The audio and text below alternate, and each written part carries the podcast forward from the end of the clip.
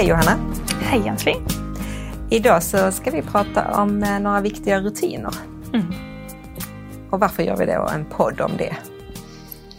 Ja, men vi, vi tror att det är ett sätt att sprida informationen på. Vi hör ju från och till att eh, man upplever att det är så himla många rutiner. Och varför är det det då? Anledningen till att vi har många rutiner är ju för att vi har en så stor verksamhet med eh, väldigt komplexa insatser. Gör vi en jämförelse med ett sjukhus skulle vi inte uppskatta om vi kom dit och ja, de chansar sig fram.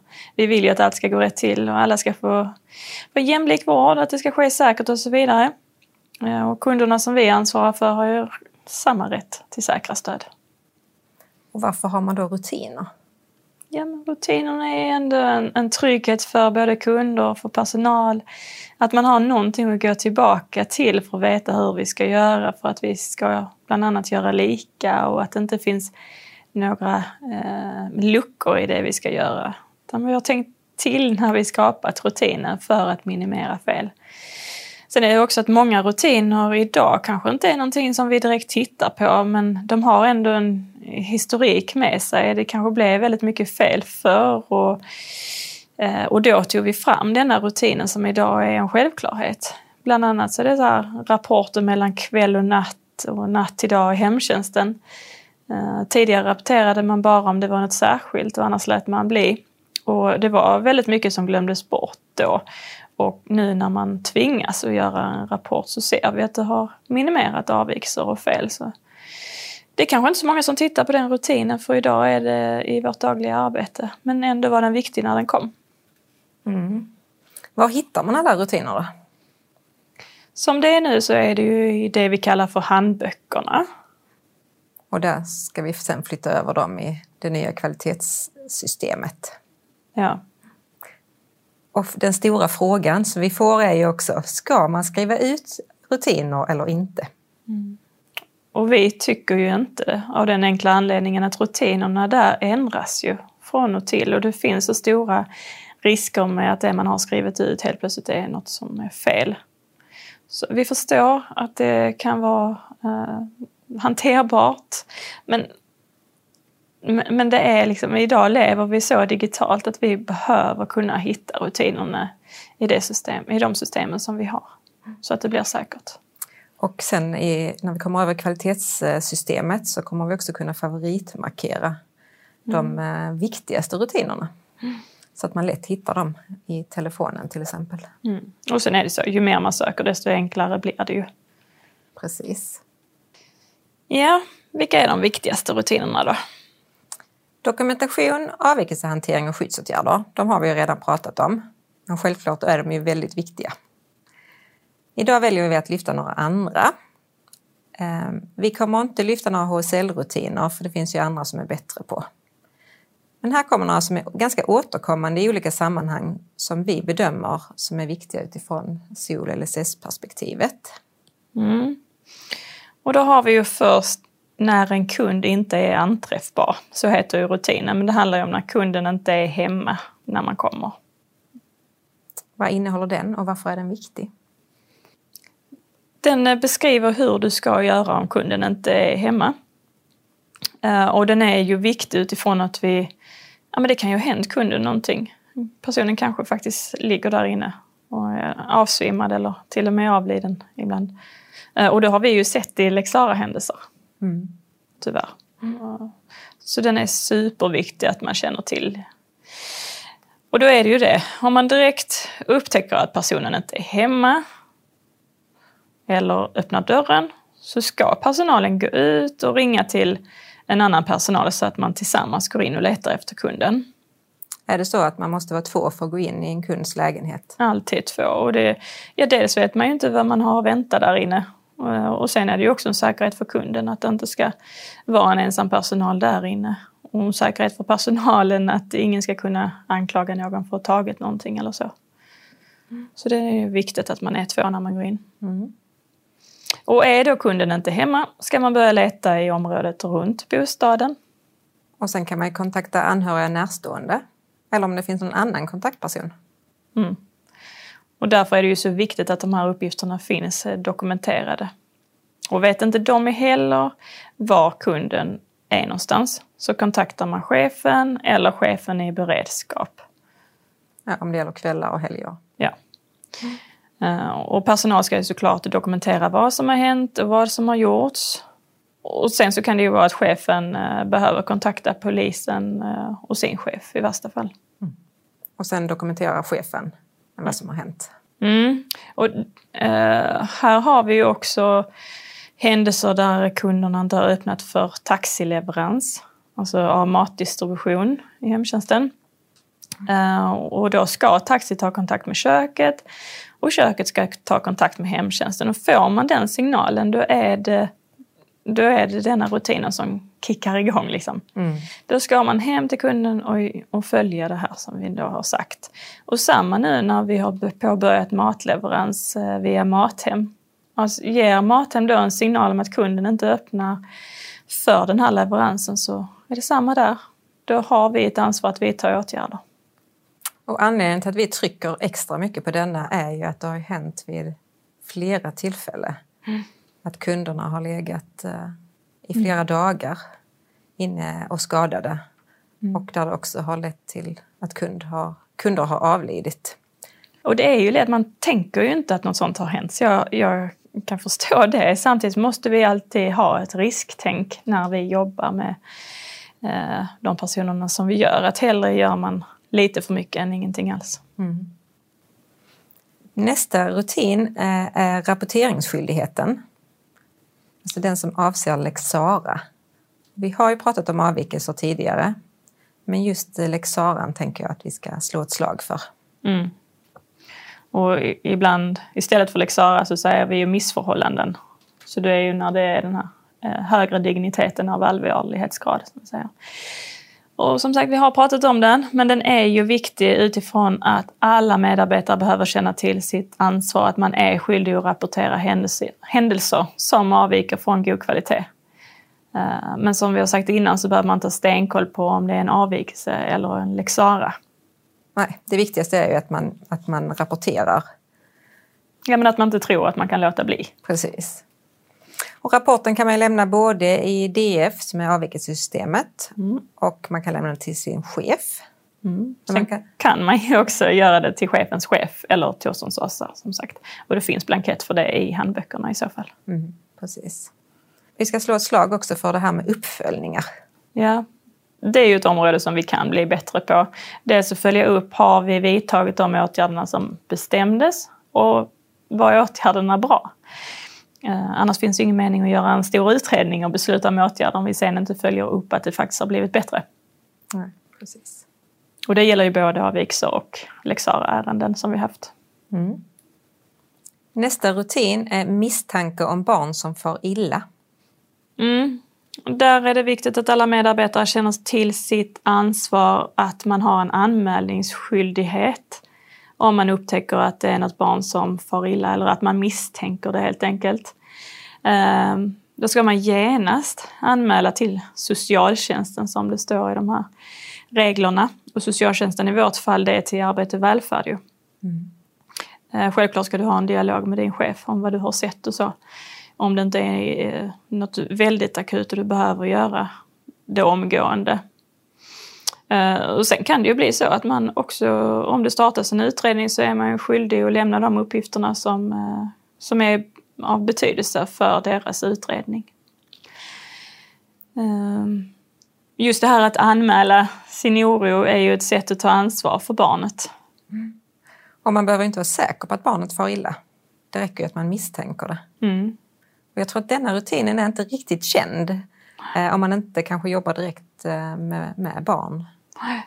Men eh, det är ju socialtjänsten som sen utreder barnets situation och bedömer om barnet behöver skydd eller stöd Mm. via dem.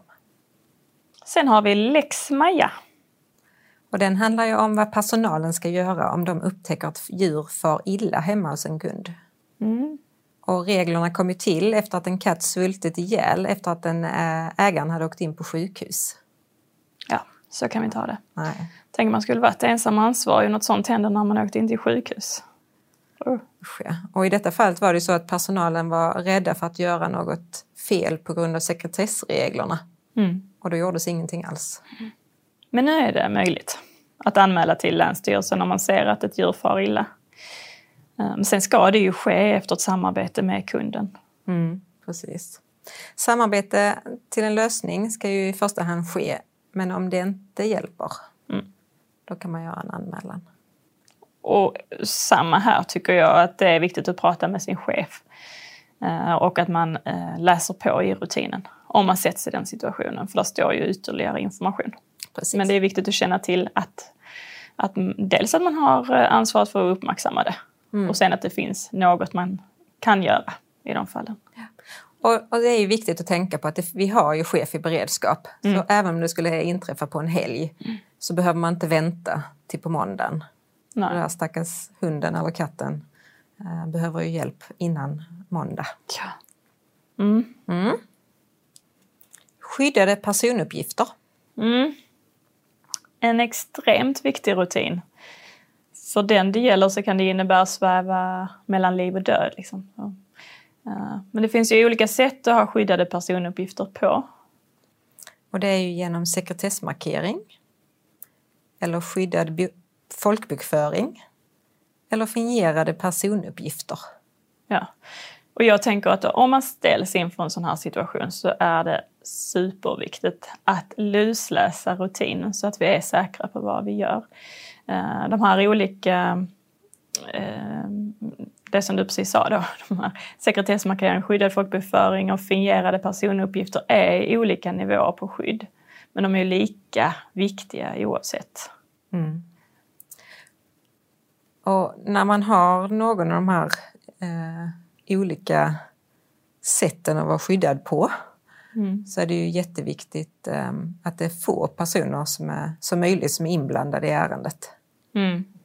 Och det är ju för att begränsa tillgången på uppgifter om den här personen. Det f- för att minimera misstag att lämna ut något som eh, kan riskera då livet eller någonting annat för den här enskilde. Mm. Och det är enhetschefen eh, inom berörd enhet som beslutar om åtkomstbehörigheten. I systemen, ja. Ja, precis. Och det är sen systemförvaltaren eh, som ser till att, att man får det. Men det är efter uppdrag från enhetschef då. Mm.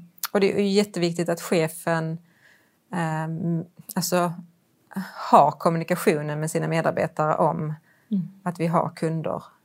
Ehm, vi hade ju en incident där ehm, man inte hittade personuppgifterna när man skulle ringa efter ambulans till exempel. Så det blir ju lite svårigheter i det. Ja. Ja. Nej, där, där behöver man gå igenom varje tänkbart scenario och det är ju därför man ska göra en riskbedömning och handlingsplan i varje sånt här ärende eh, som man eh, verkligen ofta går igenom så att alla är säkra på hanteringen. Mm. Och här kan vi väl också bolla tillbaka till det här med avvikelserapporteringen.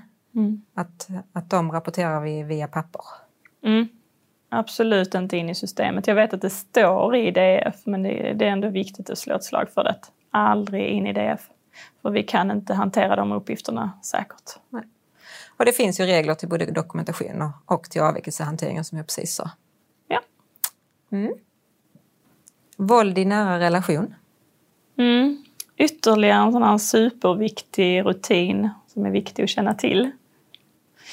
Eh, Och om man misstänker att allt inte står rätt till så måste vi våga fråga. Och att man alltid tar personen åt sidan eller eh, passar på att ställa frågan när den andra personen som gör något som inte är okej eller som man misstänker inte gör något som är okej eh, inte är i närheten så att man vågar svara ärligt. Och vid akut behov av skydd eller stöd så ringer man ju SOS Alarm på 112. Mm. Och i andra fall så tar man emot berättelsen och ställer så mycket följdfrågor som man kan för att verkligen få grepp om situationen. Man kan ju också tipsa om att man kan få hjälp via, via Arbete och välfärdsförvaltningen. Mm. Och de har särskilda medarbetare som jobbar med bara de här frågorna. Ju.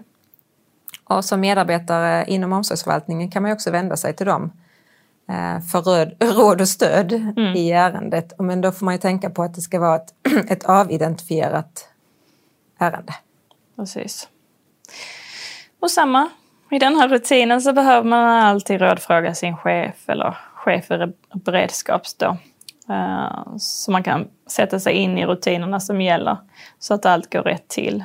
Eh, men det är ju viktigt att den som är närmst kunden känner till att vi har det här gemensamma ansvaret för att uppmärksamma sådana här situationer.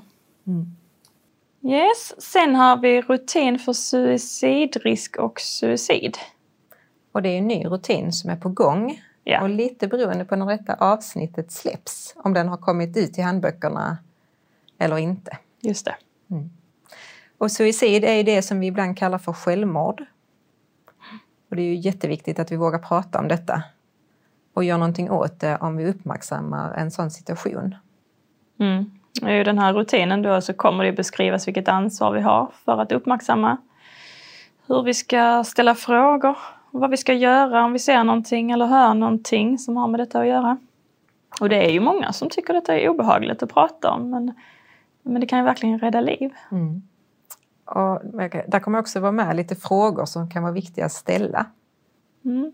Då är det bland annat uh, hur mår du? får man ju absolut börja med. Mm. Har du tänkt på suicid? Eller tänker du på suicid? Hur allvarliga är de tankarna? Har du försökt att ta livet av dig tidigare? Har du gjort upp planer för när, var och hur? Och så är det ju om det finns konkreta tankar eh, och du får konkreta svar eller planer på att begå suicid eh, så ska man ju inte lämna kunden ensam. Nej, och lova absolut inte att hålla personens mående eller planer hemliga. Nej. Och ring sjuksköterskan eller akutmottagningen på vuxenpsykiatrin beroende på om personen har hemsjukvård eller inte. Eller läkaren på psykiatrin om det finns en sån överenskommelse. Mm. Och i värsta fall kanske 112 behöver ringas beroende på vad som händer ju. Särskilt om ett suicidförsök har skett och personen behöver hjälp. Meddela chefen vad som har hänt eller händer för att få, själv också få stöd. Ja, den tycker jag är viktig. För hamnar man i den situationen så måste man känna att det är okej okay att det väcks väldigt mycket känslor. Mm. Man behöver eget stöd också då, i de flesta fall. Sen finns det såklart bestämmelser kring dokumentation och avvikelsehantering för dessa situationerna också. Men samma där. Mm. Hamnar man i den sitsen så, eh, så får man läsa mer ingående då. Mm. Och detta är ju en sån rutin som är bra att man har gått igenom tidigare, alltså innan mm. man är i situationen. Så att man vet eh, vad som står i den. Man vet, har lite koll på hur man ska agera och, och vet var den finns att Precis. Mm. Mm. Sen har vi ju ett arbetssätt är det ju egentligen som vi tycker är viktigt att påminna om. Också kopplat till många läxor där vi kan se att det finns brister. Mm.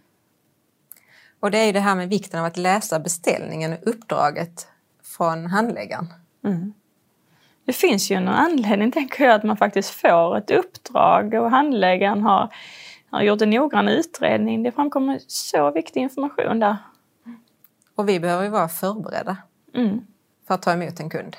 Ja, och där hamnar det också det här med eh, att man ska ta rapport från tidigare utförare. Man ska inte bilda sig en egen uppfattning om personen. Det är så... Eh, alltså, vi behöver få den informationen som finns sedan tidigare, både från tidigare utförare och anhöriga och så vidare. Mm. Det kan förebygga så mycket ju. Mm, verkligen. Lite som, menar, har man haft ett utmanande beteende tidigare så är det ganska troligt att det fortsätter. Ja, och vi kan inte bara hoppas på att det ska bli bra. Nej. Det är vårt ansvar att se till att vi, åtminstone utifrån det vi kan känna till, att vi jobbar på bästa sätt utifrån det. Mm. Och att vi jobbar förebyggande. Mm. Ja men det är lite sådär, tänk om, återigen, tänk om vår läkare skulle sagt att han eller hon inte vill veta någon historik inför en kommande behandling som vi ska gå igenom. Och göra om all, all utredning som redan gjorts. Mm. Nej, det är inte okej. Okay. Nej. Nej, se till att få rapport från tidigare utförare um, som, är och, och um, som har ansvaret för att inhämta samtycke. Ja, precis. Den som lämnar ut informationen har ett ansvar att hämta samtycke från kunden. Mm. Och sen att få en kopia på tidigare genomförandeplan. Ja, för där slipper man ju också göra om allting från början. Mm. Och de allra flesta kunderna säger ja till det här ju. Absolut. Mm. Jaha, detta var vad vi tyckte var viktigt. Mm. Sen finns det ju som vi sa från början väldigt mycket andra rutiner och hälso och sjukvårdsrutiner som inte vi är proffsiga på att nämna. Men eh, mm. Mm. jag hoppas att man har fått med sig lite. Absolut. Då så. Får du ha en trevlig sommar. Detsamma. Men du, nu när man lyssnar på detta så är det nog efter sommaren. Tror du? Ja. Jag tror inte det blir mitt i sommaren. kanske, kanske. Men ha det bra i alla fall.